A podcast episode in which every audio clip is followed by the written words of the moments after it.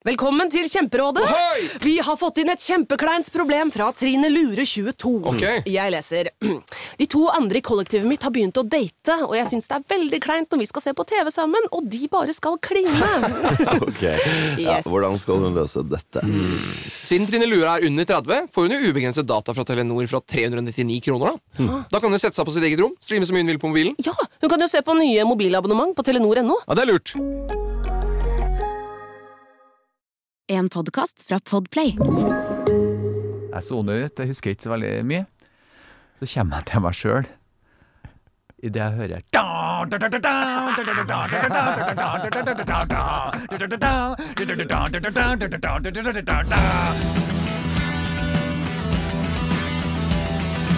Og så er andre gitaren på igjen. Og så bare er jeg midt i en stor folkemengde og skjønner ikke hvem jeg er, hvor jeg er, hvorfor jeg er her.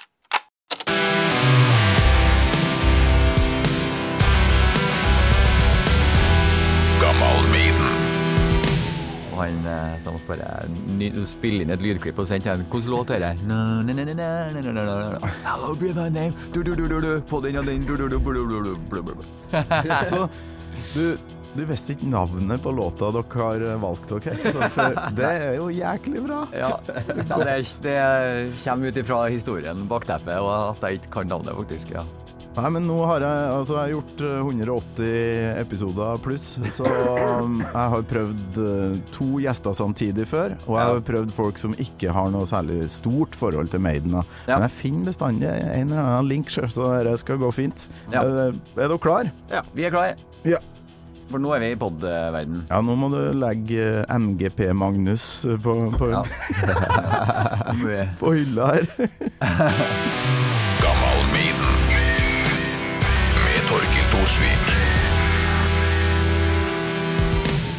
Magnus Børmark og Jon Even Skjærer fra Kvikne. Yes, fra Kvikne. Hjertelig velkommen til Gammal Maiden. Takk. Dere spiller i gåte, og skal, ja, lytterne må vite at i morgen skal dere på scenen uh, i MGP delfinale, så vi aner ikke hvordan det her skal gå. Men før det, hvordan, uh, hvordan kjennes det i kroppen etter litt prøver og sånt? Nei, det spruta energi, altså. Det føles veldig bra. Ja. Vi hadde prøver i går, og ja, for et eh, apparat, for et opplegg. Vi, eh, ja, vi bare kosa oss. Ja, du får jo bare med toppfolk hele veien. Vi har jo faktisk gamle lysmannen vår, Joakim Faksvåg, fra, som var med oss som, som vokste med gåte da, på tidlig 2000-tallet. Han er jo nå head of alt med lys på NRK. sant? Det, ja. Plutselig så møter vi jo han, og han, har jo, han var jo med oss på Svalbard og sto med tre stikkontakter og kjørte blinkelamper. sant? Ja, ja, ja, ja. For det var ikke noe dimmer der. Og, og nå er vi plutselig her, og det er liksom samme, samme følelse. Det er nesten litt sånn UKM-følelse liksom på Kirkeseterøra. Hvem, hvem går videre til landsmønstringa, og så følger du med på de andre, og så ser du hvordan de gjør det, og produksjonen. Altså, det er utrolig sånn herlig å være med på. Altså. Ja, ja, ja. Ja, Det er UKM for voksne. UKM for voksne. Ja. Ja, det er det. Jeg må si jeg digger UKM, altså, for det, Det- har gjort ja, ja. mye for veldig mange. Ja, samme her. Altså, det, med sagt med all kjærlighet og respekt har det ikke vært den samme uten UKM. Altså. Nei. Ungdommens kulturmønstring, ja, Ja. ja, ja. Få vise seg fram, for det er jo det man trenger. Og, Ja, og for hverandre. Folk, ja, og du får lov til å stå på en sånn stor scene, masse folk, og det så blir du sånn nysgjerrig. Og den personen, ja, kanskje Å, det, det var tøft. Ja, han var stilig. Eller hun gjorde det. Og, ja, kanskje vi kan spille sammen. Men det, det knytter så mye som skjer når du bare får samla masse ungdommer som driver med musikk. Og kanskje er ikke alle i klassen din eller på skolen din som driver på, sant? men så gjennom UKM så Å ja, faen, det er andre folk som også liker den rocken, eller Ja. Ja, ja, ja. Skitviktig. det Altså. er sånn uh, networking uh, i tidlig alder, da. Ja. Ja, det er Det det. er jo faen meg det. Ja, det er viktig for å få litt boost på det du driver på med, og så kan Ja. du føle seg litt alene innimellom. Jeg har ser tilbake på det. Det er utrolig viktig. Det, Jeg husker vi kom til landsmønstringa. Da var okay. det i Trondheim. Og det er fortsatt definerbart liksom, for, uh, ja, for hva man driver med i dag, da. Ja, ja, ja. Så Silence the Foe for første gang live, og bare sånn, Ja, i pauseinnslag. Bare sånn Wow, det fins! Ja. Så Silence the Foe. Dæsken, det var, det var kult band, det. Det var hardt. Ja, ja, ja. ja.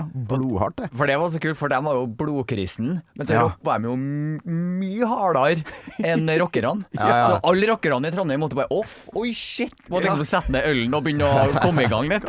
For de klikka jo. Ja, ja, ja, ja, ja, ja. Helt Det var brutalt, det, Ja. altså. Jeg husker fortsatt gitarlydene på de EP-ene og platene. Ja. Den er sylskarp, altså. Ja, Dæven. Og jævlig godt trommis. Ja. Men er ikke det som er litt artig når man har holdt på med musikk ganske lenge, da, at man hele tida treffer folk som eh, var i startgropa og jobba og, og solgte merch for Ja. bandet ditt for 20 år siden, og nå er de liksom manager eller eh, Ja. sjef for Ja, ja. et eller annet. Det er så jævlig kult. Det er jæsklig artig. Ja. Mm. Så nå er dere oppe på NRK der og møter litt sånn Ja, gamle gamle lysmann. Det er Ja, ja, ja. kult, altså. Og han er liksom sjefen for hele Han har ansvaret for alt lys på sånn Nobelprisen. Og alt, han er liksom på toppen, og Ja. der er han. Og Det er kult. Så skal han få jobbe med oss igjen. Ja. Var det ikke en backline-tekniker der òg? Som eh, Ja, ja, back, ja, ja, før, ja. eh. Han gjorde jo oss på operaen, har vært med oss flere ganger før. Morten Turbo, ja. Ja. Legende. Han har vært på sånn elleve måneder tur med Robbie Williams og jobba Ja. med sånn Rolling Stones. Altså Han er bare Han er jo han fortalte om Stones-greia i går. Det? var, ja, det var rått, ass. Sitte i studio med ja, de folka der. Det Han har gjort det? Ja. Han har vært med på så mye. Ja, han, er, han er jo Norges eh, led, altså, gi- altså, beste gitartech. Sånn backline-fyr som Ja, ja, ja, ja. jobber internasjonalt. Det høres ut som en framtidig gjest i Gammal Maiden, egentlig. Sånn Det tror jeg nok. Så akkurat den eh, Robbie Williams-dokumentaren. Mm, jeg har sett Faen, halve, òg. ja. Ganske bra. Det er jo veldig navlebeskuende, men det er jo Fy faen, han har vært gjennom mye Ja. faenskap. Ja, ja. Og jævlig artig. Har du også sett det, du òg? Jeg har sett det. Ja, jeg, jeg, jeg, jeg, halvparten av det. er jo sånn, det utrolig artig. Det er, har så mye footage fra 90-tallet, så det er jo jævlig sånn utrolig artig å se. Det, det, det som slår meg, da, at uh, Var det Spice Girls, eller ja, den Ja. samme dokumentaren? Uh, eller samme type av 90-tallsgreia. Ja. Du tenker liksom 70-tallet var et helvete, med dop og uh, folk og Ja. sånn. Men 90-tallet var beinhardt, det òg. Ja. For altså, pressedelen var nådeløs, ass. Britisk presse, det Ja, ja. Og dop og. Altså, så mye greier. De fikk jo ikke fred. Nei. Så 90-tallet var, var ganske ille. For kjendiser. Det er helt vilt, altså. Ja, artig. Ah, Nei, så dere, dere har det bra? Det var første spørsmål? Ja, ja, ja. Vi har det veldig bra. Definitivt. Vi må jo plassere dere, Magnus. Du er gitarist Ja. i Gåte, og det har du vært veldig lenge. Så, så lenge jeg kan huske, i hvert fall. Ja. Det var 2001, 2000, nei, slutten av 2000 og det noe sånt. Ja. Og du er trondhjemmer, eller er du ute Jo, eh, ja, bor i Trondheim, ja. Ja. Har eh, bodd i Oslo et år i fjor, faktisk. Jeg komponerer mye musikk til teater. Da Ja. komponerte jeg musikk til Nationaltheatret. Eh, Den lille prinsen oppå eh, ja, oppå Løren, da, på Kanonhallen der. Basert på den boka, eller? Basert på den Å, fy faen, det er klassiker. De Den illustrasjonene og den historien. Ja, den, er jo- den er helt vill, vet du. Og det er jo den eh, andre mest solgte boka i hele verden, ja. etter Bibelen. Nei, du kødder. Nei, den andre mest oversatte Mer boka enn etter Lord of the Rings, for det var- hadde et rykte på seg. Så er det den tredje mest solgte etter Lord of the Rings, og da kan dere gjette den andre. Ja, det er Harry Potter. Ja, ja, Harry Potter, ja. Ja. Harry Potter. Men så er det Den lille prinsen. Ja. Den er, og den er jo i forhold til de andre låtene, særlig andre bøkene, og særlig bi- Bibelen, så er det jo ikke ei svær, tung murstein, det er en lita lefse som rent sånn historiemessig ikke går opp, den ikke går opp helt. Den er ikke sånn kjempegodt skrevet, men den er bare skrevet med en sånn helt, et sånt åpent hjerte, så at alle som leser den, uansett om det er liten eller gammel, bare klarer å Det her betyr noe for meg. Det, det, man klarer å lese inn noe som du trenger, da, alltid. Ja, for du, har du holdt på med teatermusikk, lyddesign og litt sånt, Ja, i tillegg til Mye sånt. Det var alltid sånn når vi spilte inn platene med Gåte, så satte jeg alltid opp ekstra fikk sitte opp i studio, både når vi var med eh, Kåre og Mike i Propeller, eller vi spilte inn med Alex Møkkelpust i Segment, som produsent første. Så fikk jeg lov til å liksom sitte i de studioene om natta sant, og bare lære meg alle greiene, og la på sånne 30 tracks til, da, med synter og rare lyder, og kjørte ting i effekter, og satt og bare Og la alt i det, og så dagen etterpå så kommer eh, Alex Møklebust og bare sånn mm, Ja, kult. Uh, ja, vi ser på det. Jeg, jeg trodde jeg bare liksom, redd, liksom lagde en syn Redda låta. redda låta. Så hører du når miksen kommer, så er det kanskje ja, et litt av to av de sporene ble med, da. Ja. Men jeg har alltid hatt eh, Alltid elska de rare lydene da, som du ikke helt kan plassere. At det alltid har gitt den ekstra dimensjonen til musikk. da. Så, eh, og det som har blitt, blitt med av det, har jo gitt, vært veldig bra òg, da. Men jeg har alltid elska det. Og i teateret, vet du, der er, vil de jo bare ha det. Ja, ja, Så da var det sånn wow! Istedenfor at det var sånn ja, vi, kanskje det blir med, så var det sånn ja, mer av dere! Mer av dritbra! Du får holde på med akkurat det du elsker. Yes, da er pedalene opp og lydene inn, og bare det å kunne ja, lage stemninger og ting som ikke nødvendigvis er konkret musikk, men sammen med kanskje noen toner, så kan det bli veldig rikt. Ja. Så det Ja, ja, ja, det, deilig, men, òg lurt med noen nei-mennesker rundt, eh, rundt omkring, da. Sånn som Alex tydeligvis var der, da. Ja, For, ja, bra det. Og Kåre Vesterheim senere, når vi ga ut disse Lilja, der eh, Ja, Ja. for da hadde jeg blitt, da hadde jeg blitt litt flinkere òg, så da hadde jeg da hadde jeg virkelig planer. Det er det som er fascinerende i starten. at Du tror alt du gjør er, man tror alt du gjør er gull. Når Ja, du ja. driver med musikk eh, Ja, når du er ungdom, liksom. Det er akkurat det. Ja, det er dritfett, dritfett, dritfett. Ja, og, det, og det er jo det som er så bra òg. Ja, det er ja. derfor er det viktig at man jobber med noen som er litt erfaren, Ja. som kan liksom oh, skjære til den diamanten litt. Der, ja. Det, det fins jo en sånn historie fra Maiden-verden òg, faktisk. eh, Bare for å ja, snakke litt om Maiden. Fin segway. Vi, vi skal, ja, ja. På første albumet da hadde han en gitarist som het Dennis Stratton, som uh, kosa seg akkurat sånn som deg, litt på kveldstid og nattestid. og la på da når alle andre hadde gått hjem. Uh, det ble sånn ABBA, sånn Queen-koring, for det var så mye stemmer på noen låter. Og så kommer Steve Harris, da, bassisten, Ja. og produsenten dagen etterpå og bare rydder bort nesten alt. Men du hører noe rester av det som Ja. jeg synes er gjør låta, og Ja. faktisk på en del låter og er litt hooket i låta. Så, Ja, sant. så alle i Maiden uh, har vært viktig på et vis, og det Ja. syns jeg Mm. Det er jo kult med å produsere uh, musikk, da. At Mm.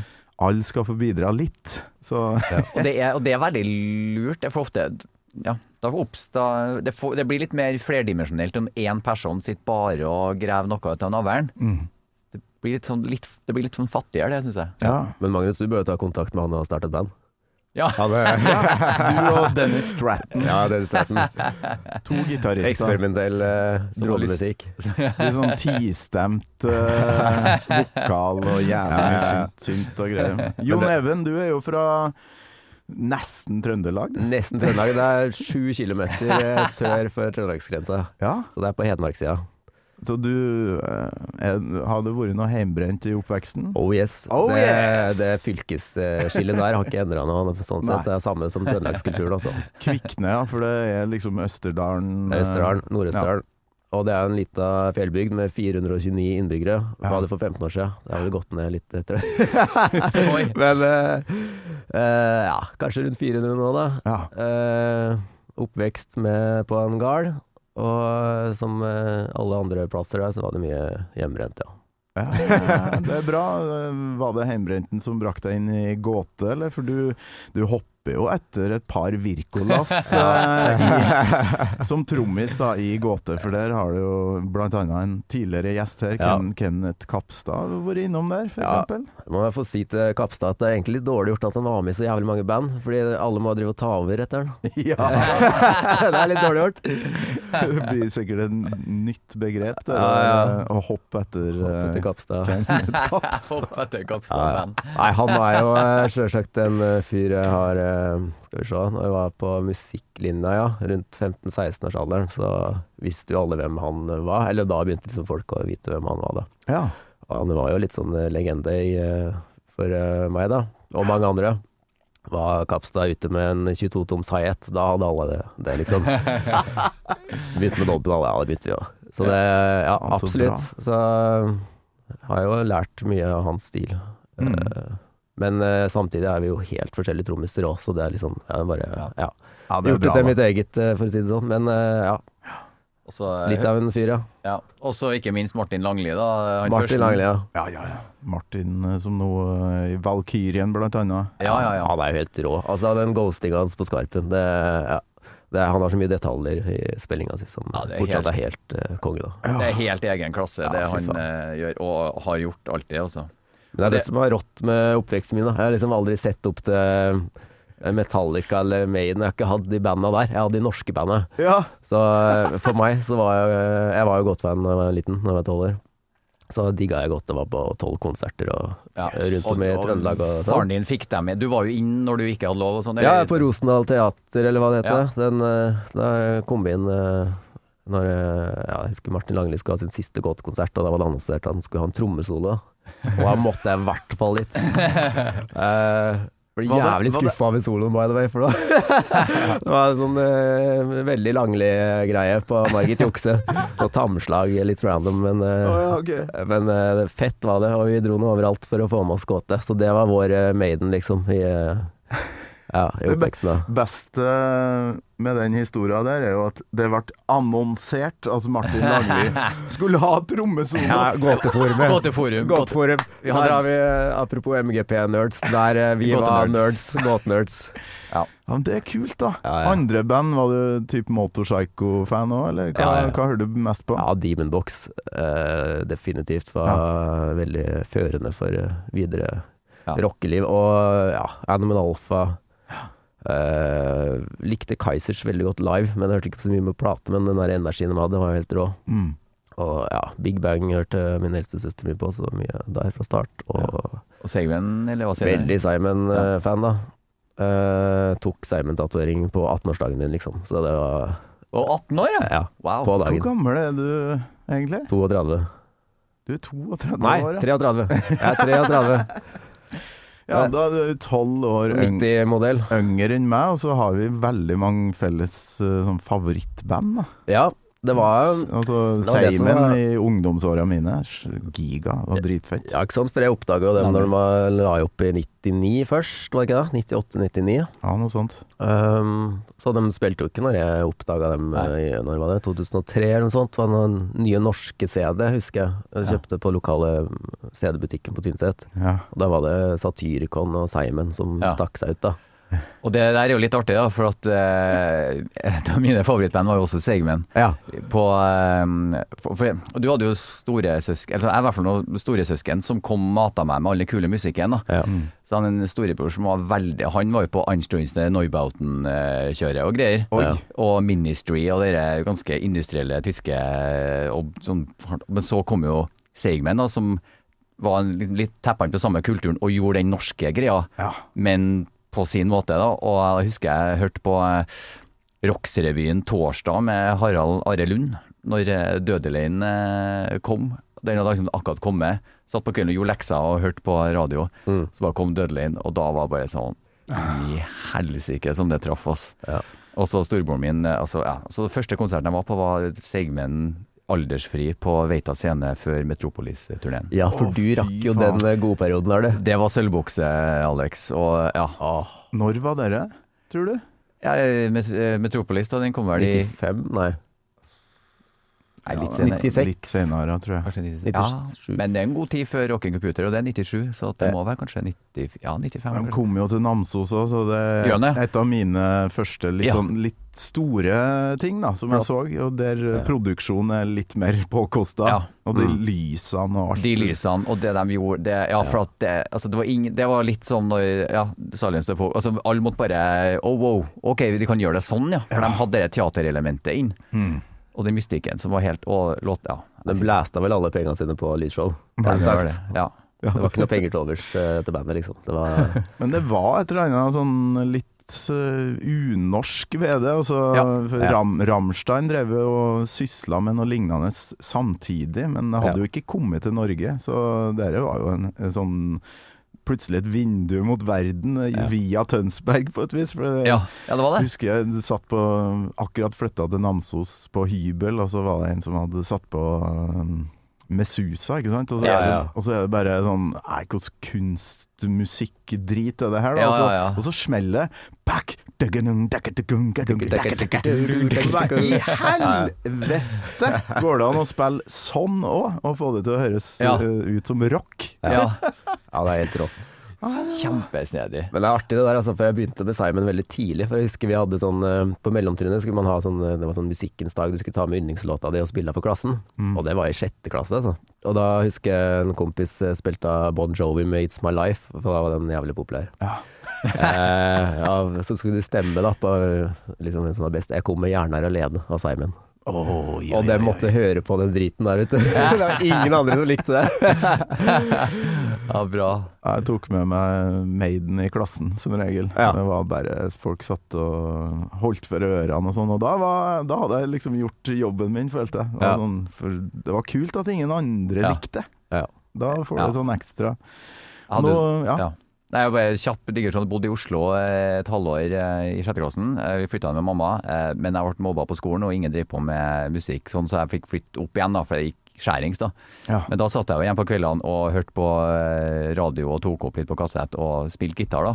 Og da var jo, Det var førsteklassen ungdomsskolen, eh, altså sjuende, åttendeklassen eh, som det heter nå. da, Første Ja. trinnet på ungdomsskole. Ja. Og da men så fikk jeg besøk av en kompisen min, Andreas fra Trondheim, da, som eh, vi var dem som var segmenn. Vi var, plukka segmenn på gitar og alt sånt. Men så kom jeg alene til Oslo. Ingen drev på med gitar. Alle drev på med ishockey, fotball og basketball. All mulige idretter.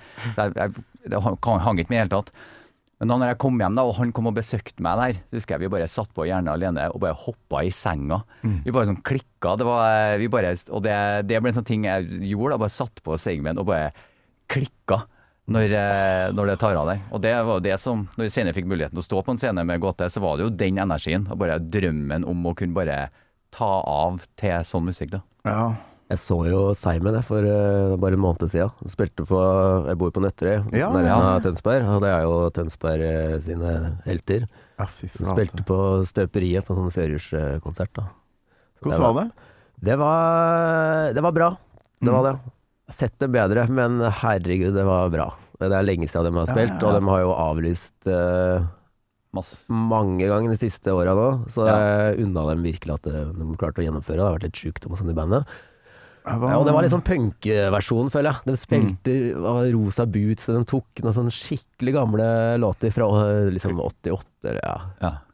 Det var Ja, var konferansier på noe som heter Granittrock oppe i um, Groruddalen Ja. for noen år siden. Så så jeg ja, Seigmen, ja. Da, ja. Det oppdraget tar jeg lett. Og så Ja. fikk møte dem, og så kommer liksom Fra X til døden, og jeg sto bare og Ja. var tilbake på 90-tallet, og tårene rant oppå Ja. i lag med masse kids som ikke skjønte noen ting. Hva, hva er dere for noe? Ja. Sånn Grorud-kids. Men fy faen så digg å hoppe i den senga, da. For da, da hadde du gått innstengt inne i ishockeygjengen. Og all den energien som du Ja. Du står ikke i ro på scenen, for å si det sånn, Magnus. Nei, så det ble en litt sånn trykkoker, det der. Ja. Eh, og at det også satt veldig pris på eh, det å kunne ha noen å, å spille med og, og uttrykke seg, da. For å liksom oppleve at du ikke får lov til å uttrykke deg, at det er helt feil. Ja. Og da eh, er det jo For når jeg var i Trondheim, så hadde jeg jo en kompis min, Andreas, vi drev og plukka, og jeg hadde jo ordna meg litt elgitar. Vi drev og for ned på 345 i, i Trondheim? Og, og han Geir, der fikk, vi fikk jo låne eh, ekkobokser. Å ja. Ja, ikke sant. Eh, så vi kunne prøve ekkobokser i uke og levere tilbake. Så jeg prøvde bare ny og ny ekkoboks. Jeg kjøpte jo aldri en ekkoboks, da. Skal jeg si senere, så har jeg jo kjøpt ganske mange ekkobokser. Så det var en god investering. Men han var jævlig game sånn, da. Jeg, jeg må og prøve. Ja. Og da kunne vi jo plukke det gitargreiene. Og det som var unikt med gitarspillet med Segment, sant, de jobba jo med før tap-tempo-delay, så måtte de drive og stilte inn. Og så hørtes det jo, for at det var så digital delay, så hørte, blir det en slags nesten sånn sequenceraktig måte å spille gitar på. Ja. Så det ble noe sånn veldig sånn stramt og maskinelt. For du får det Du fikk en helt annen underdeling som er umulig å spille. Du må spille med effekten. Det går ikke an å spille uten effekten, så du gjør deg avhengig av eh, teknikken på et vis der. Og det, det er noe der som alltid har eh, klunget så godt inni meg, da. For pusha jeg litt sånn videre. Og, eh, men så kommer jeg til Oslo. Det funka ikke hele tatt. Så da jeg kom tilbake igjen og sånn, og fikk gjøre det igjen, så var jeg veldig ydmyk og så utrolig begeistra for å gjøre det. Så da, vi jo smelte jo til på sånne skoleavslutninger og sånn. Ja, da smelte vi og spilte Segmen. Og noen låter var lagd sjøl som ligna akkurat på Seigmen-låtene.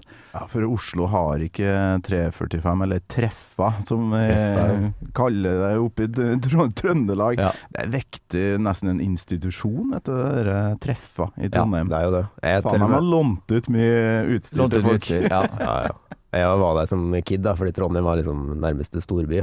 Ja. Eh, og jeg sto der så lenge at han eh, hadde Vidar, han het, han eh, på trommeavdelinga. Ja. Bare 'har du lyst på en eh, kakao du, kanskje?'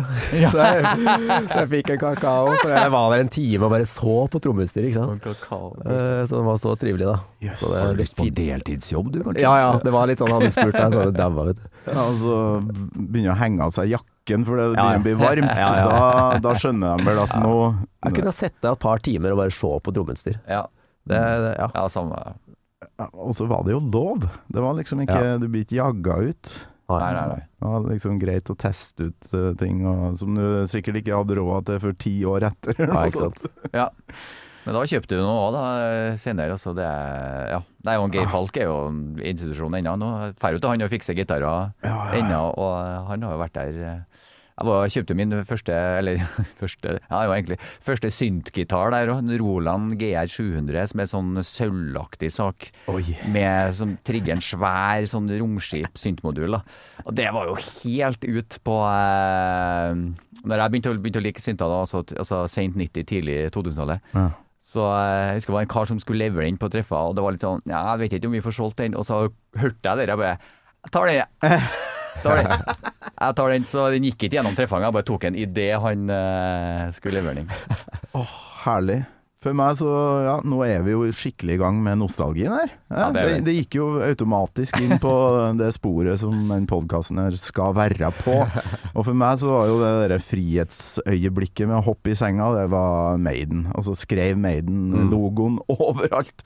Skolesekken, Ja. den brune skinnsekken, ikke sant. Og ah, på biblioteket leste alt om tekstene og leste og hva Yes. Det var liksom bare sånn eh, åpenbaring. Nå fant jeg meg sjøl. Det her er mitt band. Mm. Og da spør jeg jo alle gjestene mine da, om eh, Vi kan begynne med Magnus, kanskje. Husker du første gangen du hørte um, Iron Maiden?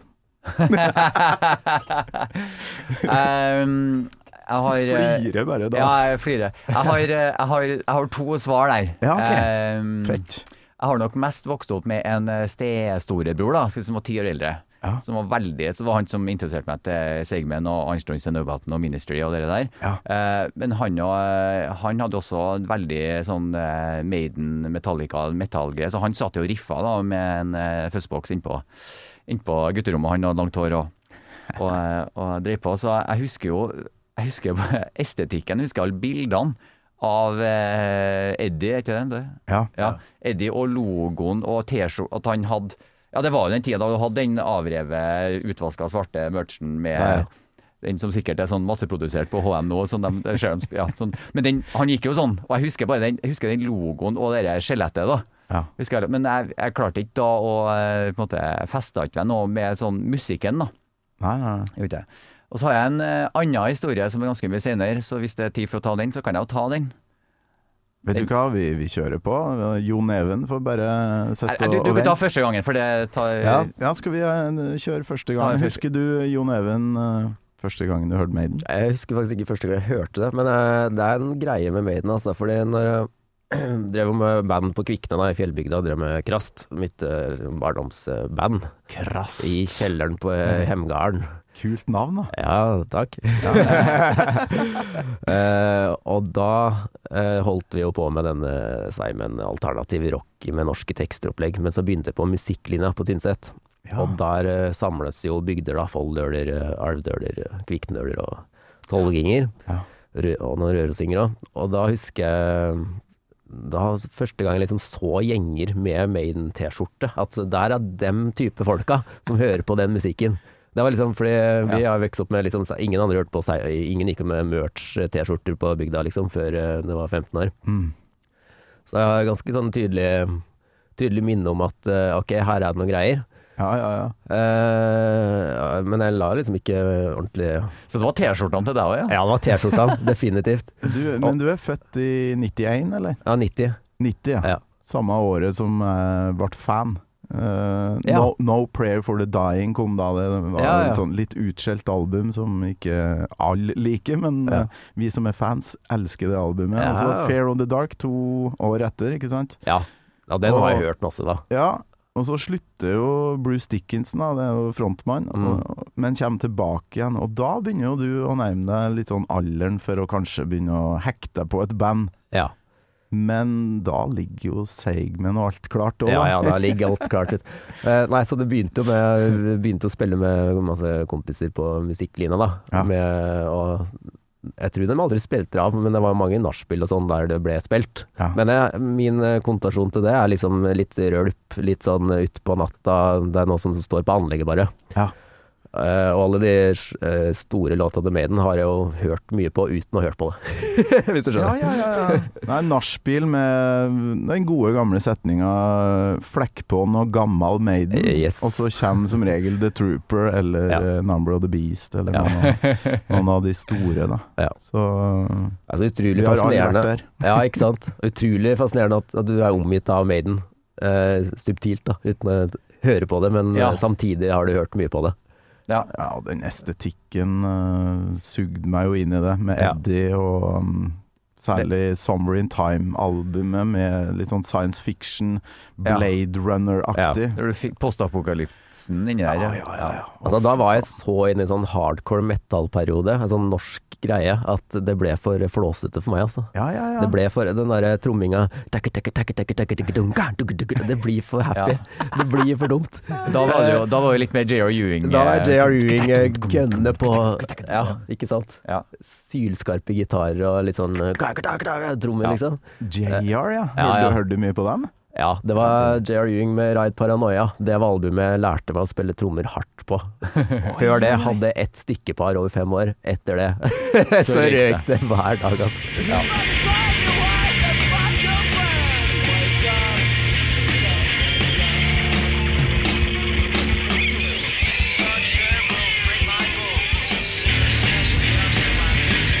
Flate. Så- det Amulet uh, Ja, det var jo mange sånne Ja. Ja. band Men Jerry Wing tappa litt mer De var litt nærmere, kan vi si, eh, litt mer sånn refused. Ja, det var på Refused, og, eh. ja, litt refused mens, mm. og, og eh, det var et band som het Blood Brothers, som jeg og han eh, Mats, fra, som også spiller bass i Gåte, eh, og 22, da, andre vennene våre, eh, Ja. vi kicka sykt på det. Okay. For bare, det var litt mer, kan vi si, det er mer sånn eh, De var jo eh, Det var to the bone, da. Det er liksom ja, det bare det, Ja, det bare det er på en måte litt sånn sexier rock, på en måte, litt mer androgyn rock, men også mer det er mer Rytmikken er annerledes. da, Det er ikke, det er ikke galopprock. Det er mye mer vendinger og, og eh, synkoper, eller ja. Men Maiden burde jo hete Maiden, eh, altså Iron Synkope Maiden.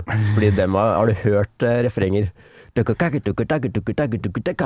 Ja, med NM i synkoper. Men tidlig ener eh, gjelder ikke. Nei, nei, ser Og du. Og så er det åttendels uh, tidlig. Du må ha 16-dels Ja, du må ha synkoper. 16-dels Ja, det var 16 der. Ja. Oh yes.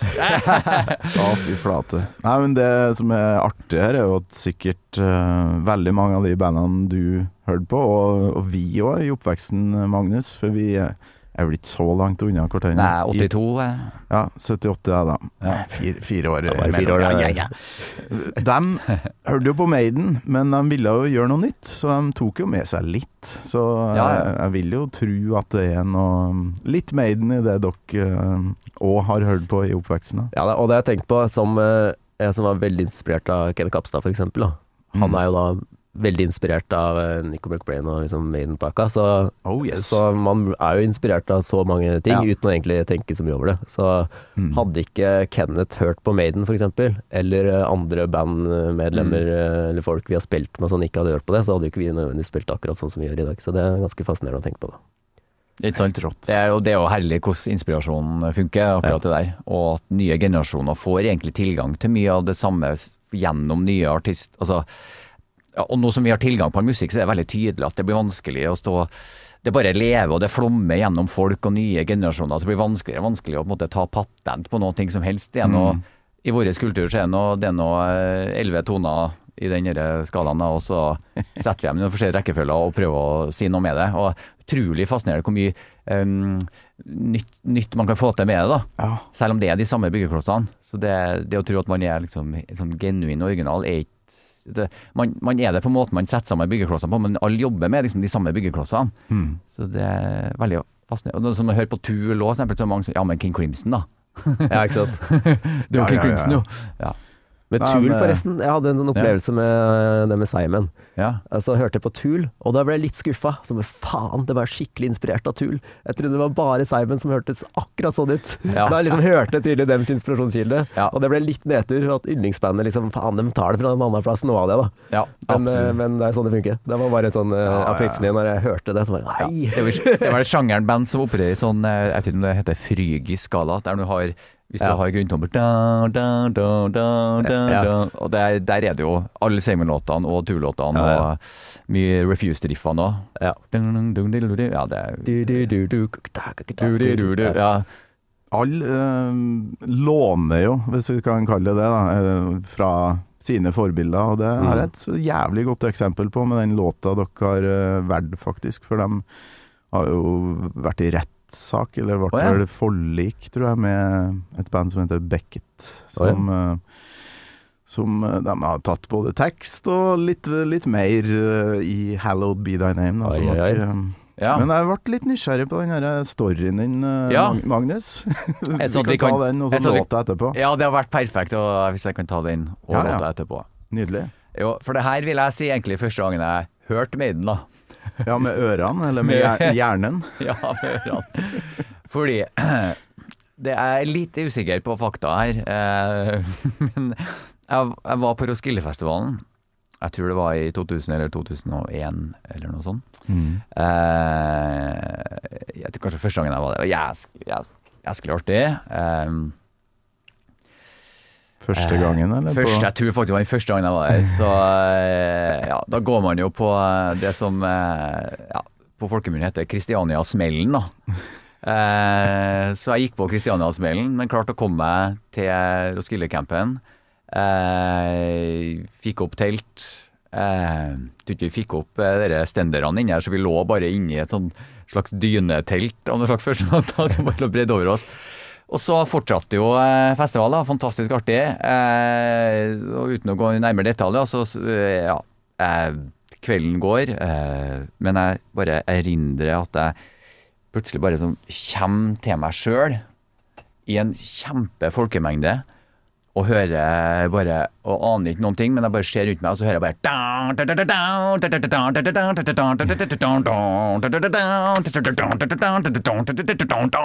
Og så kommer dere ters, så kommer dere andre gitaren og full pakke. Og jeg skjønner ikke ja, jeg bare fatter ikke. Og jeg er jo inne i en slags eh, Ja, jeg har jo blekka rett og slett og kommet til meg sjøl, og det er dere som vekker meg. Jeg bare aner ikke hvor jeg er, hvem jeg er, og hvorfor jeg er her, og hva i all verden jeg hører. Og ja.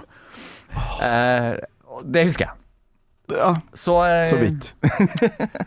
Akkurat dere, dere, dere satte seg. og så eh, går det flere år.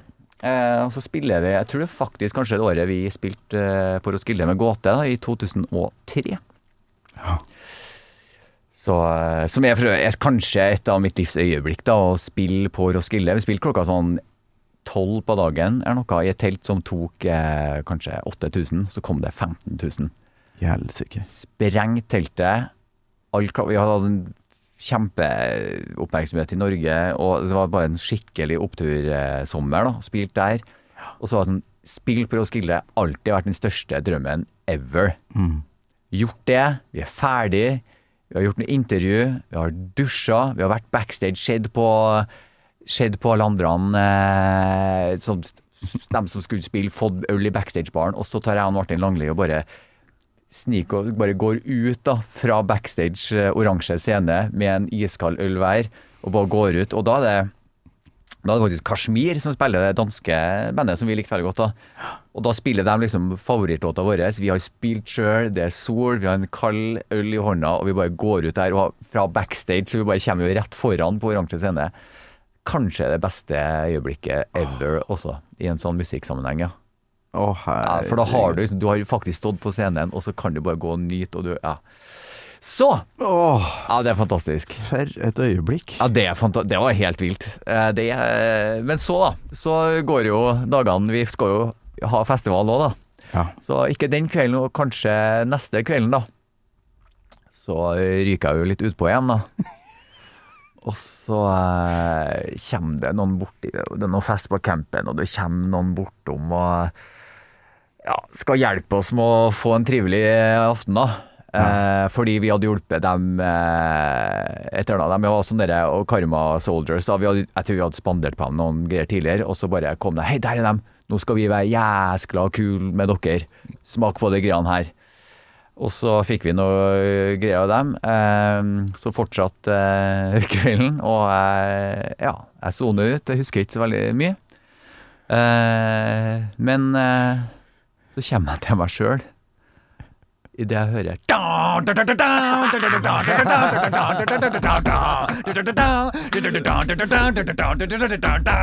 Og så er andre gitaren på igjen. Og så er jeg midt i en stor folkemengde og skjønner ikke hvem jeg er, hvor jeg er, hvorfor jeg er her, og hva faen har jeg Hvordan år er jeg i?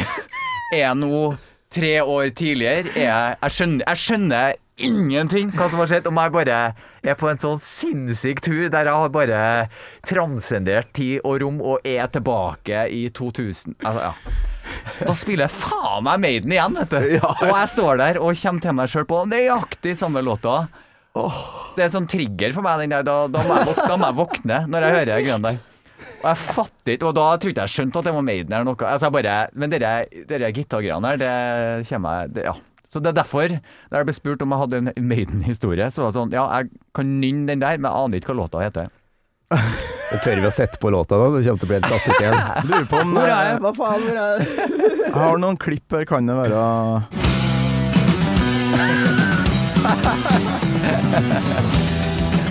Der kommer vantestemmen, ja. Yes. Og tre stemmer.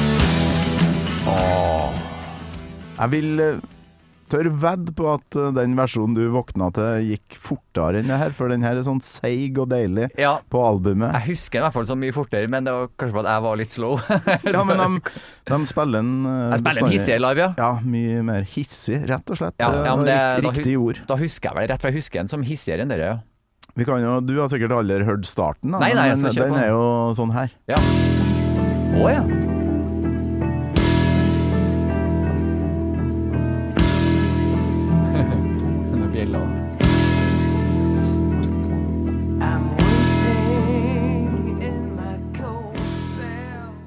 Han venter i celle, og han skal til galgen, og tankene begynner å gå opp i hodet hans. eh, hva er meninga med livet? Hva skjer etterpå? Eh, ja, det er en sinnssykt kul tekst, Ja. syns jeg. Så 'Hallowed be thy name' er vel fader vår på engelsk, så det er en Ja. slags bønn, da. Man skal til The Gallows, han. Han skal til galgen, han. Ja. Ja. It's fi at five o'clock uh, they take me to the gallows Ja. pole, tror jeg. Ja. Ja. Noe sånt. Ja, ja, det her er jo en staple-låt i Maiden-historia. Ja. Spilles live eh, på hver bidige konsert. Og Ja. fantastisk valg, altså. Det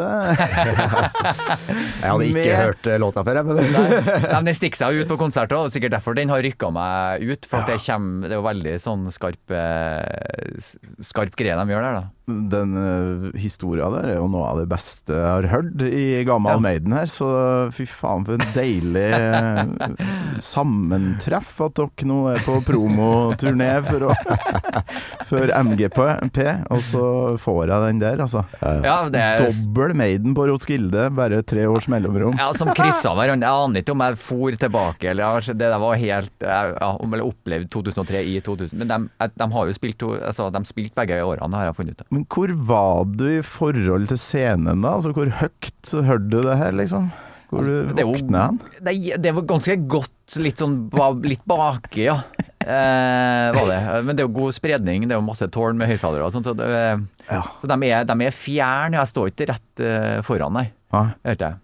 Jeg har jo en annen eh, app, hvis vi skal segwaye litt videre. Eh, men først må jeg merke at jeg merker at du har et skikkelig hjerte for Maiden, ja. Eh, og du har gått Åh. djupt i Det er veldig artig å, å se. Ja, men jeg vet ikke, du Jon Even hadde jo Ja. kanskje det her med Seigmen, og jeg vet ikke hvilket band som da er liksom dypdykkbandet ditt, for alle har vel et sånt et, har vi ikke det da? Ja, det som kanskje ble det djupeste dykket der som også når jeg ble litt eldre og det begynte å bli videre sånn sent ungdomsskole, videregående, så er det jo eh, det, det er jo nerder hardest. Ja, det er faktisk Det må bli Radiohead, det også. Oi! ja. Og da, og da var jeg litt opptatt av skal ikke jeg eh, dyrke dem, sant? Da skal jeg jo dyrke budskapet deres. Så jeg Ja, har ja, ja. printa ut all den der artworken da, fra OK Computer. Fant på nettet, printa ut på kornete måte. Men det var bra, for det var jo et sånn eh, Skal vi si en sånn teknoangsttema i Altså det var flyplasser, og det var kaldt, det var sånn maskiner som tar over, men på en helt eh, ja, litt sånn annen måte maskiner som også feiler, på en måte. Altså, det var litt annen estetikk enn en, en, en, si, den Blade Runner-linja, da. Men, eh, men veldig teknoangst der òg. Så jeg bare tapetsert sånne A4-ark som jeg printa ut med artwork jeg fant på nettet da, i, dårlig oppløsning, og det var nerder og fant Jeg var med i et forum, da, her er jo ganske tidlig, sant? det er jo lenge før det er noe Lenge før det er noe Det er knapt internett. Det var jo liksom satt meg ned og Ja, du digga den lyden, For å få opp linja. Ja. Og så for jeg på noe sånn Yahoo-forum, der det var sånn Johnny Greenwoods Guitar Sounds Okay. der vi var en gjeng, så bare sabla han ned hvordan han laga alle de forskjellige gitarlydene. For det som var appellen med Johnny Greenwood til meg som gitarist, var at han, eh, han spilte i sånn bluesskala- bluesskala-solo, da. For det har aldri liksom appellert til meg. Eh, sånn pentaton, sånn gitarsolo-greie. Det har aldri liksom truffet meg, og heller ikke sånn, ja, sånn den type rock, da. Eh, mens med han så er det sånn Det hørtes bare sånn farlig ut. Det hørtes ut som gitaren går i stykker. Ja. Og han jo slo på gitaren, og det lydene han fikk når det f.eks. gitarsoloen på Paranoid Android, da, så er det så er, Det er liksom undervannsgitar. Det er sånn Og det er filter og det er masse greier, sant? men er at det hørtes ikke ut som gitar med filter, det hørtes ut som undervannsgitar. Han fikk det til å bli verdener. Og så har han jo en sånn eh, en bryter sant, på gitaren som kutter lyden. Og det er jo samme som Tom Morello bruker, men han bruker jo mye mer eh, skal vi si, eh, sånn rytmisk og, og kvantisert. Mens han har en bryter som bare slår av lyden litt, så det høres ut som han har dårlig kontakt i kabelen. Så han driver og spiller, og så tar han bare og slår og slår med bryteren, så det høres ut som det går i stykker. Og det var, det var noe som bare traff meg med en gang. Og ting høres ut som det går Og med whammy-pedal, også en Tomarello-greie, der du kan eh, glideløst eh, dra lyden din opp flere oktaver. Sant, så du får sånn kan gå jævlig mye lysere og, og lavere, og bare Og sammen med dere at det går stykker. Og, ja. Så jeg var helt helt eh, hekta der og hadde noe VHS som jeg tok opp fra Later med Jules Holland på BBC, og så dere om og om om, om, om, om igjen. Og eh, til slutt, da når jeg skulle kjøpe meg min første gitar, som er en artig historie, for da jeg ble bedt om å spille gitar i gåte, så eide ikke jeg gitar. Jeg hadde brukt alle pengene jeg hadde tjent på å gå med aviser. Jeg gikk med to avisruter hver morgen en stund. Oi. For da, ja, da kunne jeg, for du tjente 500 kroner i uka da, på én avisrute. Hvis du gikk to, så tjente jeg 1000. Og, eh, og da kunne jeg kjøpe én gitarpedal i uka. Så da hadde jeg bare pedaler, men jeg hadde ikke Hadde ikke Du hadde ikke gitar? Nei. Jeg hadde noe søppel som jeg hadde lånt, og en eller annen raskamp. Men jeg hadde plenty pe- pedaler. Og blant annet en sånn Echo da, som jeg fremdeles bruker, som har vært med på alle Gåte og mange 22-konserter. Sikkert 800-900 konserter med en pedal. Ja. Og den fikk jeg for 500 kroner nede på Treffa. Treff. Jeg vet Ja. ikke. Men um, eh, Nei, Bunner rock, Så Radiohead, ja. Ja. Og nei, for, for meg jeg kunne jo sikkert ha vært større Maiden-fan. Hadde jeg vært nerd, så hadde jo den Men da hadde podkasten blitt en Maiden-podkast, tror jeg. En sånn derre Ja. ja. på den uh, fjerde takta i det refrenget der, så gjør han det. Ja. det ikke, men det var ikke det jeg ville, Nei. for jeg har hatt en liten periode, uh, fire år, der det var bare Maiden. Men Mm. jeg skulle jo bli jazzsaksofonist, og holdt Ja. på med Ja. det i tillegg. Og ja, Faith No More, Mr. Bungle, altså masse greier. Faith No More. Ja, det Ja, blir bra. Og så finner jeg ut når jeg skal lage en podkast at kanskje det er flere som har, uh, har en liten bit av Maiden i sin historie, og så invitere litt eh, hist og pist, da. Noen Mm. har jo hele livet sitt via til det her bandet, og de er òg artige å prate med, altså. Ja. Det er jo helt vilt. Ja, og det hører også med jeg, Første gitaren jeg da måtte kjøpe meg, da Når jeg måtte spille noe, da fikk jeg jo tak i en Fender Telecaster Special Deluxe, da som var helt likedan som John O'Ginwood Greenwood. Det var bra start. Bra start. Og den gitaren har jeg ennå. Du har den, ja. Ja, ja, det bruker den, Ja, det er favorittgitaren, det er Telen. Men jeg har jo bytta opp mikkene og sånn til litt mer sånn som min stil. da. Og det her er også veldig Apropos det å la seg inspirere. Jeg var så inspirert, så jeg kopierte jo alt. Og det er så utrolig bra at man skal kopiere alt. For at man kopierer Som regel så kopierer du flere ting. Og hvis du prøver å kopiere flere ting samtidig, så en plass sånn imellom der ender du opp, og det er jo deg. ja. Så det er ikke farlig, du kommer aldri til å bli noen andre likevel, for du er det, det kan du ikke komme ifra. Så derfor skal du bare kopiere alt du kunne. Og jeg begynte å spille jævlig hardt på gitar, med et jævlig hardt plekter, for da, for da ble det litt sånn Fikk den trøkket, men da jeg røyker jo så mye strenger, så måtte jeg begynne Ok, de har tjukke strenger, da. Og så eh, tjukke streng. plektere, nei. Nei, begynte ikke plektere, nei. At steinplekter litt skulle slå hardt. Og eh, det var sånn, med gåte, da, var jo, da sparka jo Sund Føstpedalene, for det var fysisk på ordentlig, da. Eh, energien, og klikka jo på hver øving. Og, og røyk strengene, og det blødde, og negler røyk, og, og Føstpedalene måtte sendes til reparasjon, for jeg bare trampa dem sund. De flirte jo nedpå reparasjonssjappa, nedpå treffa der. Eh, men så så vet du, var jeg på Radium-konsert i, i Spektrum i 2000 og eh, De spilte to konserter, var på begge. Eh, I 20 Kan det ha vært 16, eller? Ja, kanskje. Kanskje det. Kanskje, la oss si 2016, da. Ja, jeg tror det kan være det. Eh, var på begge, to dager bra, var på begge. Forskjellig settliste hver dag. Ja. Fantastisk. Eh, og jeg er jo veldig sånn, står gjerne og nøler etterpå og kikker på sceneoppsett og utstyr og hvordan de gjør det, og liker det. Så jeg sto nå etterpå og kikka, da. Så kommer jo bare gitartekken til Johnny Greenwood bare sånn her. Kan være plekteret til Johnny Greenwood. Det var mjukt, det. Det var Det var Altså, det var helt sånn Altså, det var som smør. Oi.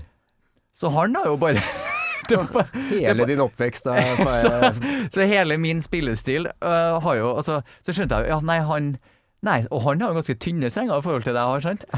Og slått med et mjukt plekter. Men han har jo hatt bevegelse, det har jo sett veldig fysisk ut. Og dere har jo på en måte, i den misforståelsen der, så har jo jeg funnet min stil. Nå kan jo ikke jeg gå tilbake til mjukt plekter. Altså, det var, men det er så herlig, for man misforstår alltid noe uansett når du prøver å herme etter noen, så det er bare, det er bare å kjøre på. Så finner du, da, da finner du deg sjøl, da. Så jeg har jo en helt annen greie enn han lell, om jeg prøvde å kopiere. Men det var illusjonsbrudd. Hæ?! Ja, Fuckings nylonstrenger plekter, sånn grått daft. Sånn, det blir jo ikke Litt nedtur. Det var sykt. Radiohead, ja, de eh, hadde litt lignende Roskilde-opplevelse som det du hadde i 1997. Da hadde de gitt ut OK, okay Computer. Computer. Og da lå jeg ute på sletta der, og Ja. fy faen for et album og for Ja. en konsert. Ja. Og der og ja, Sånn som du forteller om Maiden med eh, tekstene og liksom den verdenen de, som du blir dratt inn i. Altså den, den, det, de, det lerretet de spenner opp da, med, med, den, med den plata eh, og alt annet. Men sånn særlig der, da, for det, det, det skjedde jo noe der eh, i musikkhistorien. Og da, det, ja, det, det, ja, det går ikke Nei, tomt, altså, altså. nei, Ja. altså Det påvirker livet mitt at jeg har eh, vært så oppslukt av Maiden som jeg var. Her om dagen, så uten å tenke meg om, så satte jeg på og hørte uh, flere timer lang uh, podkast om uh, Kleopatra. det hadde ikke jeg gjort, Nei, tror jeg, nei, nei. hvis ikke jeg hadde vært Maiden-fan. Og alt av Egypt og sånt Ja. ble jo helt uh, oppslukt av på grunn av dem, faktisk. Ja, Ja. men de har jo på en måte tatt eh, De har jo brukt en del sånn mytologiske referanser og henvisninger, og så har de lagd sin egen liten mytologi. Ja. Som gjør at det er jo et univers for Hvis du har lyst til å gå dypt i det, så kan du liksom finne ting òg, når du begynner å grave. Mm. Det er jo jævlig genialt. Det er jo ja. Skulle egentlig ønske at det var Maiden-fan på Ja, musikken. og sånn, fordi det var ingen andre som gikk med Seigmen-T-skjorte. Eller liksom eh, er, Ryggmerke med seg. Nei, vi må høre um, Skal vi se, det er jo uh, mer vi må høre på her, sånn at dere lærer dere litt Maiden. Ja, det er veldig bra. Det er jo ganske rolig, som dere hørte. Ikke spilt på klikk, for det var et slag, et bjelleslag der som er litt sånn Off, ja. Oh, Jeg la merke til det. Du la merke til Jeg Ja. trodde det var en eh, 32-delssynkope, men eh, det var det ikke.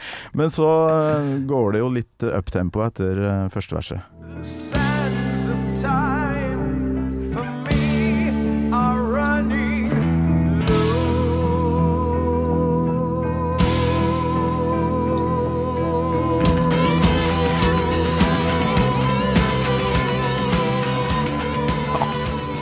Der kom toget. Skjønner du dere hva jeg mener, eller? Ja, Det er jo faen meg genialt. En bra dynamikk, da. Ja. Det, Og, ja, og akkurat som dere snakka om ting man plukker opp fra sine helter og sånt. Uh, Beckett er ikke noe stort band, men eh, jeg, jeg prøvde å høre litt på det. Uh, fantastisk sånn uh, prog-rock. Det her er jo Ja. en veldig progga låt, det er ikke noe refrenger nå, det bare turer Ja. og går. Og fjerde verset i 'Hallowed be thy name' er da um, rett og slett stjålet, tror jeg vi skal si. Uh, vi kan først høre, ja, har du eh, begge? høre Maiden, da. Ja.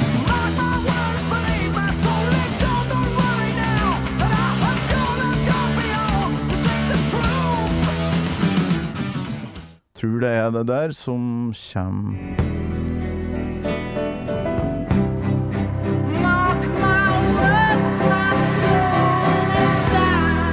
teksten, da, ikke, oh, ja, ikke så mye musikk.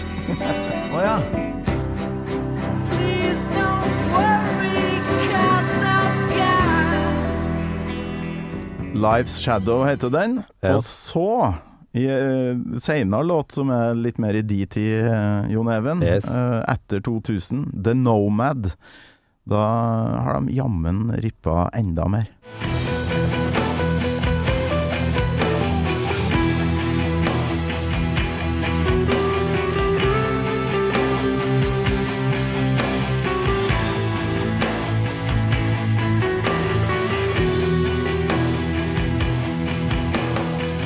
Og så er det vel det samme låta, 'Life's Shadow' av Beckett, som har det herre i seg.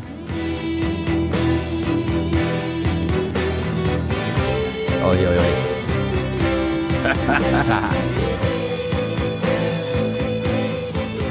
Så frekkhetens nådegave to ganger, samme låta. Ja, det er frekt. Wow. Burde, burde i hvert fall tatt en annen toneart. Ja. Gjort litt derfor, liksom. ja.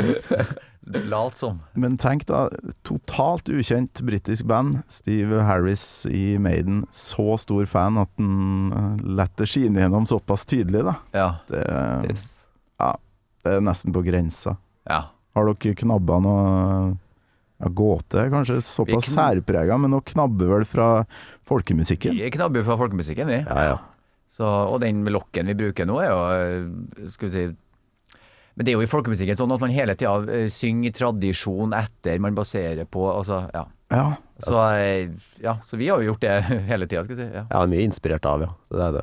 Jeg har uh, Men ikke lignende band. Det, er- eller, ja, vi ripper jo ikke direkte fra lignende band. Vi, men, Nei, det er men, det som er litt unikt med Gåta. Vi, er, vi har jo liksom eh, Nå har vi med Jon Stenersen på nøkkelharpe, da. Mm. Uh, han, har den, han har vel en metallbakgrunn, og så har vi Mats Mm. i, med Magnus og 22. Vi har jo liksom veldig forskjellige inngangsvinkler her, musikalsk. Mm. Så jeg vil ikke si at Hadde vi liksom fjerna Gunhild, hadde vi ikke hørtes ut som noe annet band heller. Liksom. Det, vi, er, vi er så mange ulike individer med ulik musikk, men samtidig mye samme òg.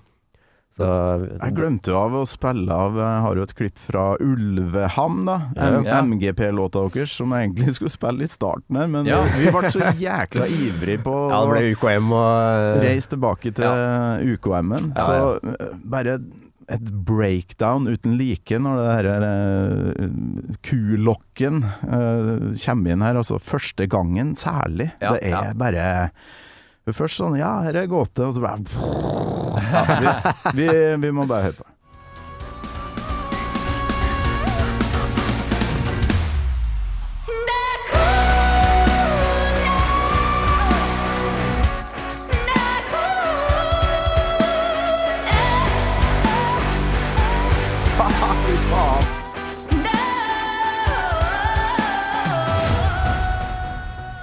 Og for en effekt det har, for hvilket som helst annet band ville bare ha dura på med gitarene, men zopp, så tar dere en pause. Vi stopper, vi, vet du. Vi må bare stoppe i tide der, for at, oh. hvis vi går lenger der, så kommer vi ikke oss ned igjen. Nei, altså la Gunhild sin stemme bære videre der. Ja. You're listening to a podcast. I'm Bruce Dickinson. You're not. And you're listening to Gamal Maiden. Det er en veldig positiv ting da, av at vi faktisk måtte eh, destille låta fra over seks minutter ned til tre. Ja. Og før, på langversjonen så tror jeg hele refrenget i sin helhet er tre ganger. Ja. Men her måtte vi bare Ja, men hva er viktig? Jo, det er, det er Vi må f- det, det, må, det, må, det må bare smelle og åpne seg. Men så kan ikke du gi vekk for mye, for vi skal få en episk følelse på neste refreng. Det må være langt, og da, da må ikke vi være mett. Da må vi bare få en liten teaser, og så må hun holde det, og hun må lage overgangen videre. Og så, ja, og så istedenfor at det er fire vers, så blir det Nå er det ja, en slags bridge vi går til. Det er litt sånn Stjernekamp-trikset. Hvis dere har sett på Stjernekamp, de gjør det. De tar alle låtene, tar de populærlåter, så tar de første verset, første refreng, så hopper de rett til bridgen, siste refreng. Ja. De hopper alltid over andre refreng og andre, nei, andre vers og andre Det er veldig fint at bridgen består, da. At den betyr noe Ja. annet, på en måte. Det er fint at den ikke blir borte. Ja, den må være med, ja. Ja. Det er Men, bra. men det som er herlig med denne låta her, det er jo når det er forløsning på det aller siste treffet. Og det er jo litt sånn irriterende kort, for da har du lyst til å høre mer av det. For, for da gønner vi jo på. Ja. Eh, men eh, det er en fin effekt i seg sjøl. Hva som kommer til å skje nå, tror dere? Um, Nei, ja, samme hva som skjer egentlig om dere kommer til videre fra delfinalen. Eller, altså MGP i seg sjøl er jo et uh, ganske heftig promovindu. Det er det. absolutt. Det, ja, du kunne ikke Man har jo ikke budsjett til å gjøre noe Nei, nei. sånt i promomessig noen gang. Og det som er kult uh, nå, da, vi som band er jo veldig sulten og gira på å få til det her. Vi har jo en eh, nettopp spilt en turné, vi har jo en pakke inne, så Ja. går det bra, så gønner vi på. Og det for oss, det er sånn, Vi hadde jo en turné, og den, vi, vi høsta jo to terningkast seks og to ti av ti Ja. eh, på en norgesturneen. Men lell, vet du, så er det ikke alle som får det med seg. Nei, nei. Nei, nei, nei. nei, nei. Ikke sant? Så, det her, så vi vet jo at vi er der, vi har noe Brage som, som er bra, som folk vil ha. Men eh, alle folk bare får ikke med seg, og det skjønner jeg, det er jo så mye som skjer. Men nå får vi muligheten da, til å ha tre minutter promo, eh, promo for gåte da, i beste sendetid. Ja. Og ikke minst få jobb med så jæsklig mye bra folk. Også. Det, ja, som Blir det um, Ja, det er album, eller? På gang? Eller øh, ny musikk fra Ja vi, ja, vi ga ut en EP nå i høst, da, som Ja. den langversjonen av Ulvan var med på. Mm. Nå skal vi skrive Vi er i skrivemodus ja. høsten her, da. Innimellom Så det er lov å ha låter som er utgitt øh, nå i For det var vel ikke lov Nei, før, tror jeg. den egen er helt ny, den. Ja. Eh, så det er lov nå. Du kan gi ut. Og det er jo bra for oss, eh, da. Ja. Fordi vi eh, Faen, Det er ikke skal sånn melde på nullskattesnitt. Ja, ja. Det er akkurat det. Ja, Ja, det, er, det er faktisk for å ta med litt mer rutinerte band. Ja. For, å, for å også gi MGP litt mer sånn Ja, at det er ja, det, det er noe som driver og skjer, da, som er litt forandring her. At du får med litt mer rutinerte folk og litt seriøse ja, artister, som, som, at de òg kan være med, da. Dere er jo tredje rocke... Liksom alibiet som har vært innom her, da. Goth-minister og um, Ja. Anders Odden og Benedicte Adrian har vært der, de vært innom her. Så, Ja. så det virker som han Stig Karlsen, da, som er Ja. Han har òg vært gjest her i, Ja.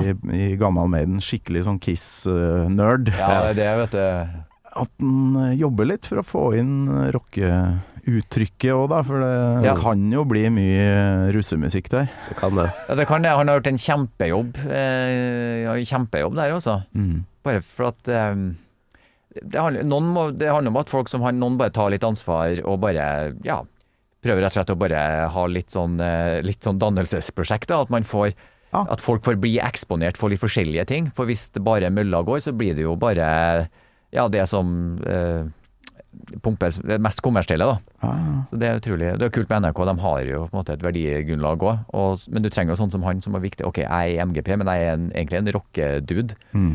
Eh, men jeg ser at jeg kan gjøre, få til et mangfold her, da. Og der ser vi jo MGP-fansen, og det har jeg sett dem har kommentert litt på podkaster og sånn, at uh, de setter veldig pris på det. Eller noen er litt sånn imot det, men eh, de fleste er veldig for. For hvis ikke hadde det ikke gått vært med andre band framover. Det er veldig bra tiltak, da. Mm. For at eh, man får litt eh, variasjon. Ja, og at ikke låtene bare For det er ofte MGP Det sitter jo jævlig mange og bare sånn skriver bare MGP-låter for MGP. Jeg tenker herre er bra, herre må vi sånn må vi gjøre det er MGP, sånn må vi tenke, sånn må vi tenke sånn. Nå, Vi har med en låt som ikke var tenkt å være med MGP. Mm. Vi har bare destillert den så at den passer i, på tre minutter. Og det tror jeg gjør at det er litt sånn uanstrengt for våre selv. og Vi har ikke sånn å, vi må gjøre det trikset, eller vi må gjøre det, vi må modulere, eller vi må ha med altså, Det her er låta, og så får vi backing fra det kunstneriske teamet på NRK til å løfte opp, lage en produksjon og ja, bare bli mer gåte da, ved deres hjelp. Steike. Mm. Åh. Og enn om det går hele veien. Jeg krysser i hvert fall fingrene for dere gutter. Takk for det. Og så Takk for det.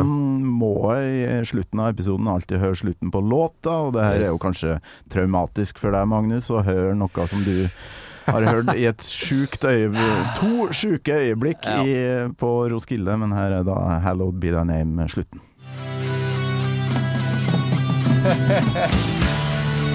For nå kommer det greia.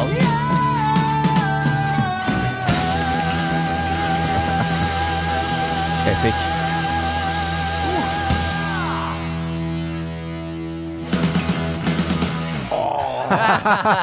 Sånn skal metal-låt avsluttes.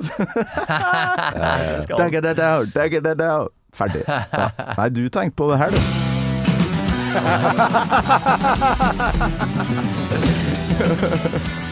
Ja, det er jo for en deilig reise det her ble, da. Absolutt. Jeg har kosa meg glugg, i hvert fall. Og, Det har vi òg. Ja, ja, kjempekult. så bra. Jeg håper ikke det ble traumatisk å rippe opp i de minnene, men den andre gangen der må det ha vært faen, altså. Spille på Roskilde, og så våkne opp til Maiden. det var helt vilt. Ja, det var bare kødde med meg. Bare sånn, eh, ja, det var såpass ut, uh, Ja. ut å kjøre at jeg var åpen for alt. At alt hadde skjedd der. At jeg, at jeg hadde reist tilbake i tid. Eller det var bare For at det var Jeg var jeg kunne, ja.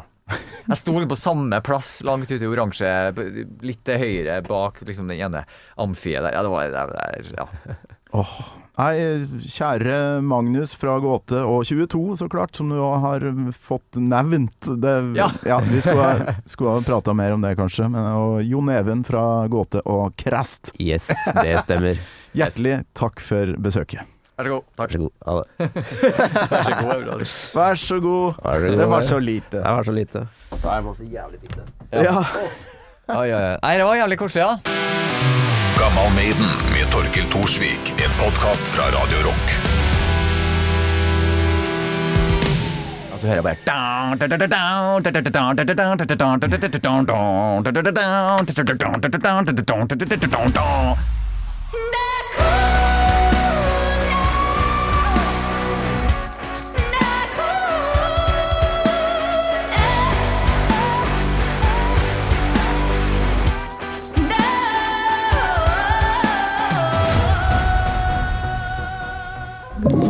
Du har hørt en podcast fra Podplay. En enklere måte å høre podcast på. Last ned appen Podplay, eller se podplay.no.